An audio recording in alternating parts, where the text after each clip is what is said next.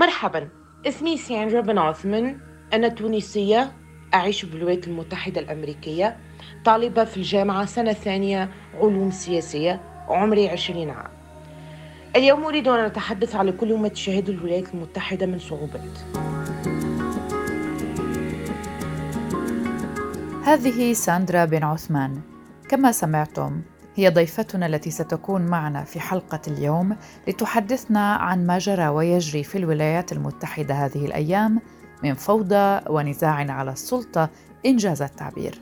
ففي مشهد غير معتاد على الولايات المتحدة الأمريكية خرج الأسبوع الفائت وتحديدا في السادس من يناير كانون الثاني الأربعاء الأول من عام 2021 خرج آلاف المتظاهرين في الشوارع والميادين الأمريكية رافضين نتائج الانتخابات الأمريكية الأخيرة ورفض تولي الرئيس الأمريكي الجديد المنتخب جو بايدن مهام الحكم في العشرين من الشهر الحالي يناير وسط تأييد ومطالب بإعادة الانتخابات واتهامات بالتزوير من جانب الرئيس المنتهية ولايته دونالد ترامب.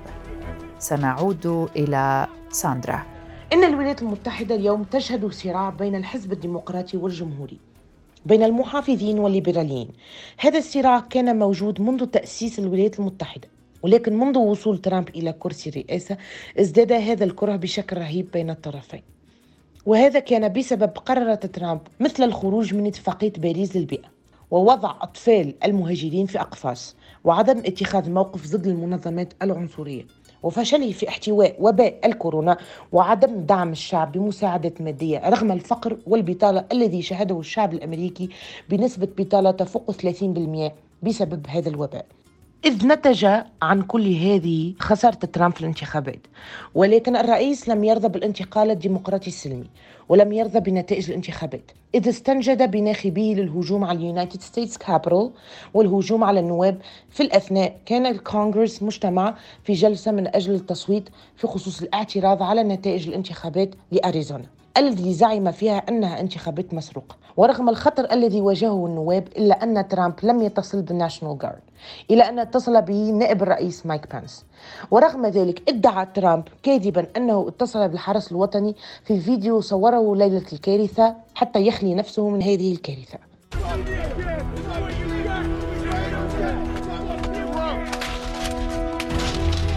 اقتحم متظاهرون مؤيدون للرئيس الأمريكي المنتهية ولايته دونالد ترامب الأربعاء الفائت. اقتحموا مبنى الكابيتول في واشنطن وعطلوا جلسة الكونغرس التي كانت تهدف للمصادقة على فوز جو بايدن بالرئاسة الأمريكية.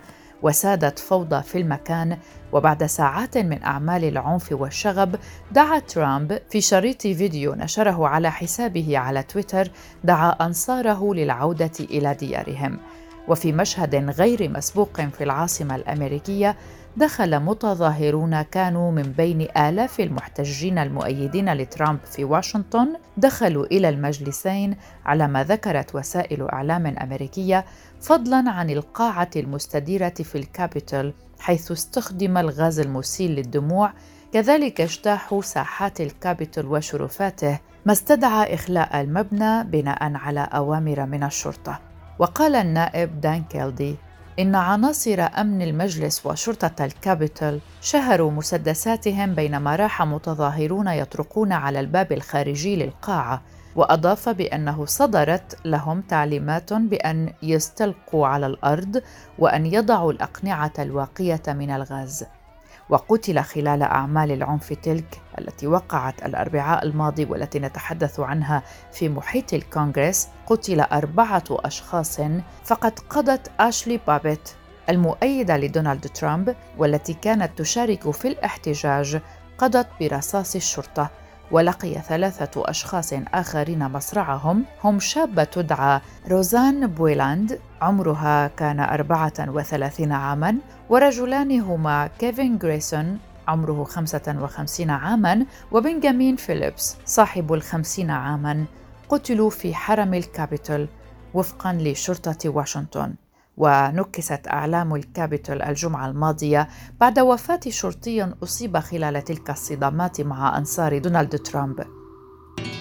وقالت شرطة الكابيتول في بيان إن براين سيكنيك الذي أصيب خلال تدافع جسدي مع المحتجين الذين اقتحموا الكونغرس توفي متأثرا بجروحه مساء الخميس الفائت. ونقلت صحيفة نيويورك تايمز عن مصادر مختلفة أن سيكنيك الذي بدأ الخدمة قبل 12 عاماً تعرض للضرب على رأسه بعبوة لإطفاء الحرائق كما حطم متظاهرون مؤيدين لترامب معدات تابعة لوسائل إعلام خارج مبنى الكابيتول بعد أن اقتحمه المعتدون وعطلوا الجلسة التي كانت تهدف للمصادقة على فوز جو بايدن بالرئاسة الأمريكية. ووصف الرئيس الجديد المرتقب جو بايدن في كلمة ألقاها وصف أعمال العنف في الكونغرس بالتمرد ودعا ترامب إلى الطلب من أنصاره وقف حصارهم وكان ترامب دعا مؤيديه إلى الاعتراض على المصادقة على فوز بايدن في الجلسة الخاصة المشتركة لمجلسي النواب والشيوخ التي انعقدت فعلا في واشنطن قبل أن يتم رفعها. هذه الأحداث دفعت رئيس شرطة الكابيتول ستيفن ساند إلى تقديم استقالته بحسب ما أعلن مصدر مقرب منه لوكالة فرانس بريس وأتت الاستقالة بعد ساعات على مطالبة رئيسة مجلس النواب الأمريكي نانسي بيلوسي بتنحي قائد شرطة الكابيتول.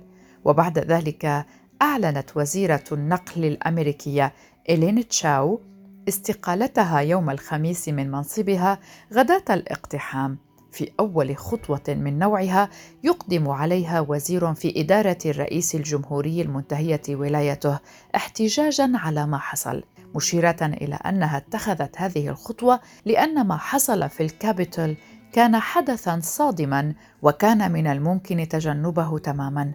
وأصبحت وزيرة التعليم الأمريكية بيتسي ديفوس ثاني عضو يعلن استقالته من إدارة دونالد ترامب. في غضون ذلك دعا مشرعون أمريكيون أعضاء إدارة دونالد ترامب ومسؤولي البيت الأبيض إلى البقاء في مناصبهم لضمان نهاية مستقرة للولاية الرئاسية. وذلك بعد إعلان عدد من المسؤولين ذكرناهم في الإدارة استقالاتهم احتجاجا على ما حدث.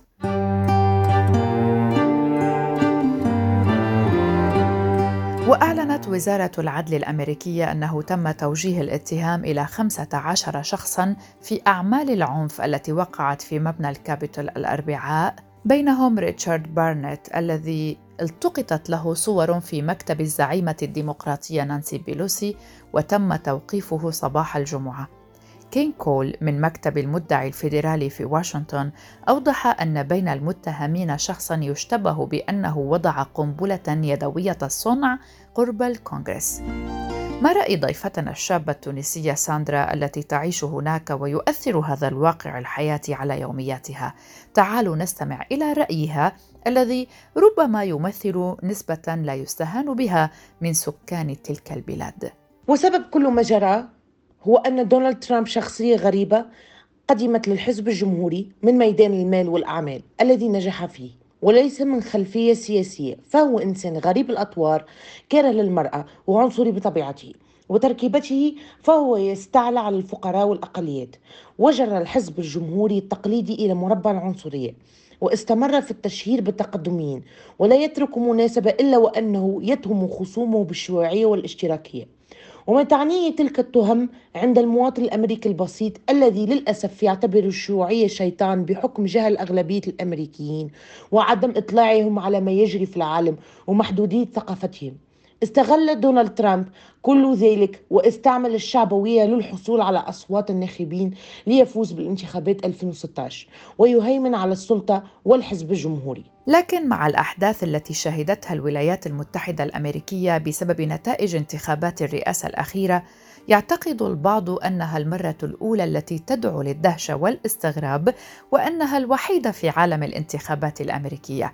لكننا ومن خلال بحثنا اكتشفنا أنها ليست المرة الأولى فقد عرفت أمريكا من قبل أزمات تتعلق بالانتخابات الرئاسية. نعم عرفت أمريكا مشكلات إجرائية على مدار تاريخها فيما يتعلق بالانتخابات حيث منع البعض من الوصول إلى صناديق الاقتراع والتشكيك في شرعية النتائج وطرح الطعون القانونية وإجبار الناخبين على الوقوف في طوابير طويلة ومن أبرز تلك الأزمات انتخابات عام 1860 أو انتخابات الدم.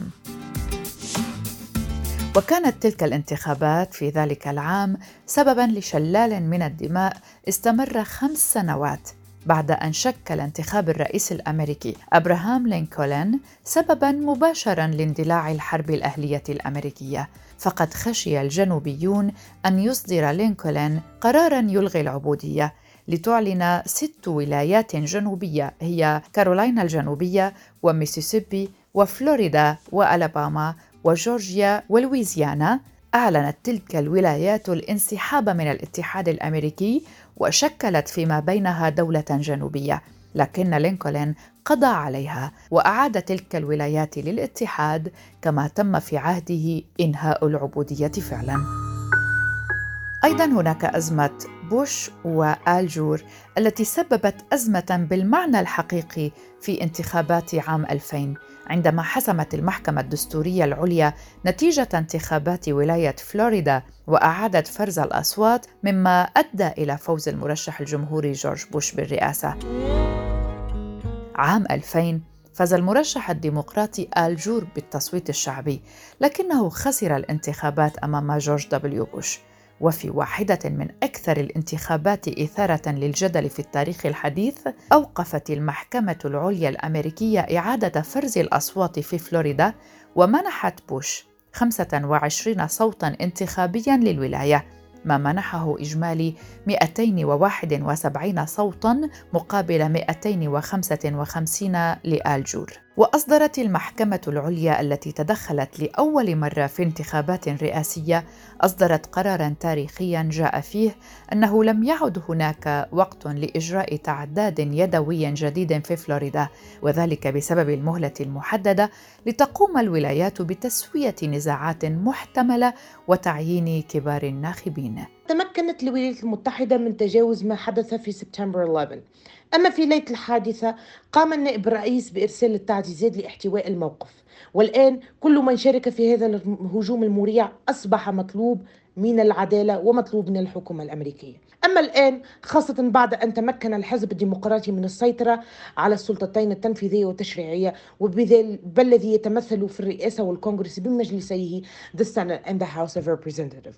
فلم يستطيع ترامب بأخذ أي قرارات مشينة مثل ما التي رأيناها في الوقت الذي كان في ترامب رئيس. شهدت أحداث اقتحام الكونغرس لقطات كان منها ما تميز بالعنف ومنها ما مثل حركات وتنظيمات وحتى رسائل سياسية.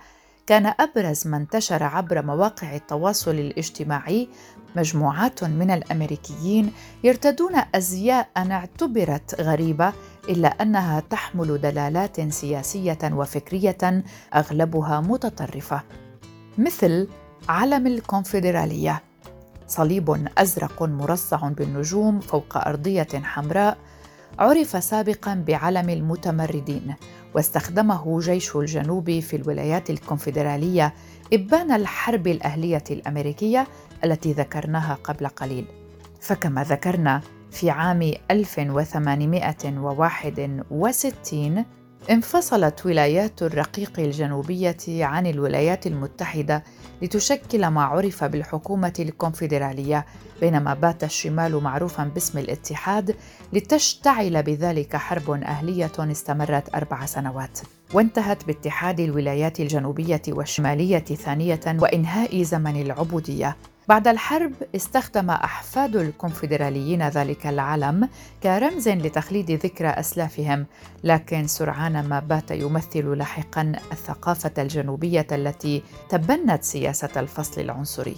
وتطورت رمزية العلم في حقبتي الأربعينيات والخمسينيات من القرن العشرين ليصبح ممثلا لدعاة الفصل العنصري الذين يعارضون حركة الحقوق المدنية المتنامية للأمريكيين الأفارقة وبات يستخدم رمزا للكراهية وشعارا لتفوق البيض. علم جادستون لعل أبرز الأعلام التي تم رفعها يوم اقتحام الكونغرس هو ذاك العلم الأصفر الذي يحمل في منتصفه صورة افعى ملفوفه كتب تحتها عبارة Don't trade on me ظهر هذا العلم قبل الثورة الأمريكية بوقت طويل، لكنه استخدم في العصر الحديث في مناسبات عدة، فكان العلم الممثل لمشاة البحرية الأمريكية وفريق كرة القدم الوطني للرجال في الولايات المتحدة. أيضا هناك علم هو الأغرب على الإطلاق، فهو علم لدولة خيالية غير موجودة على أرض الواقع، علم كيك. يشبه علم كيك إلى حد ما علم الحزب النازي والعلم الرسمي لدولة خيالية تعرف باسم كيكستان وقد أنشأها مجموعة من القوميين البيض المتعصبين حيث إن مقرهم الرسمي هو مجموعات دردشة على منصة شامفور وفقا لما ورد في موقع Business Insider يحكم دولة كيكستان الخيالية إله برأس ضفدع يسمى كيك وقد تم القبض على أحد الأشخاص الذين كانوا يلوحون بالعلم في مبنى الكابيتول وفقا ل CNN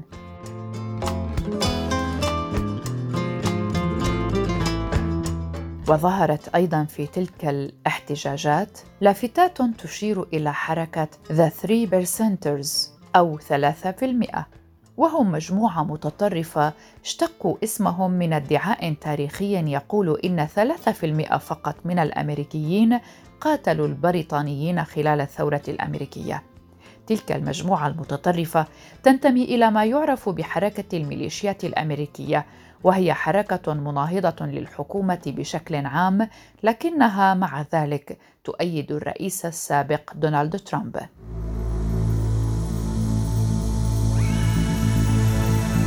ولعل أكثر من لفت انتباهكم في احتجاجات الأسبوع الماضي كان ذلك الرجل الذي يرتدي خوذة بقرني ثور مع فرو متدل من الجهتين وقد امتلأ جسده بالوشوم ولون وجهه بألوان العلم الأمريكي. ذلك الرجل مع ثلة آخرين هم من أنصار QAnon وهي نظرية مؤامرة يمينية متطرفة يدعي أتباعها وجود عصابة من المتحرشين بالأطفال الذين يعبدون الشيطان ويديرون عصابة عالمية للإتجار بالأطفال. ويتآمرون ضد الرئيس الأمريكي دونالد ترامب الذي يحارب تلك العصابة بلا هوادة. كما يؤكد أنصار تلك النظرية أن ترامب يخطط ليوم حساب يعرف باسم العاصفة حيث سيتم اعتقال الآلاف من أعضاء العصابة.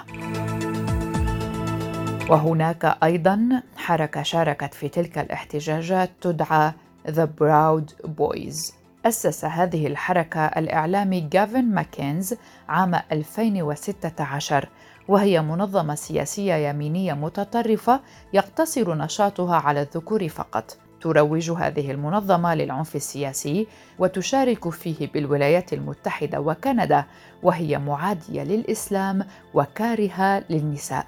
اشتبك أفراد المنظمة التي يرأسها إنريكي تاريو منذ عام 2019 اشتبكوا عدة مرات مع المناهضين للفاشية في وسائل الإعلام وهم من أكثر المجموعات المتطرفة دعما لترامب.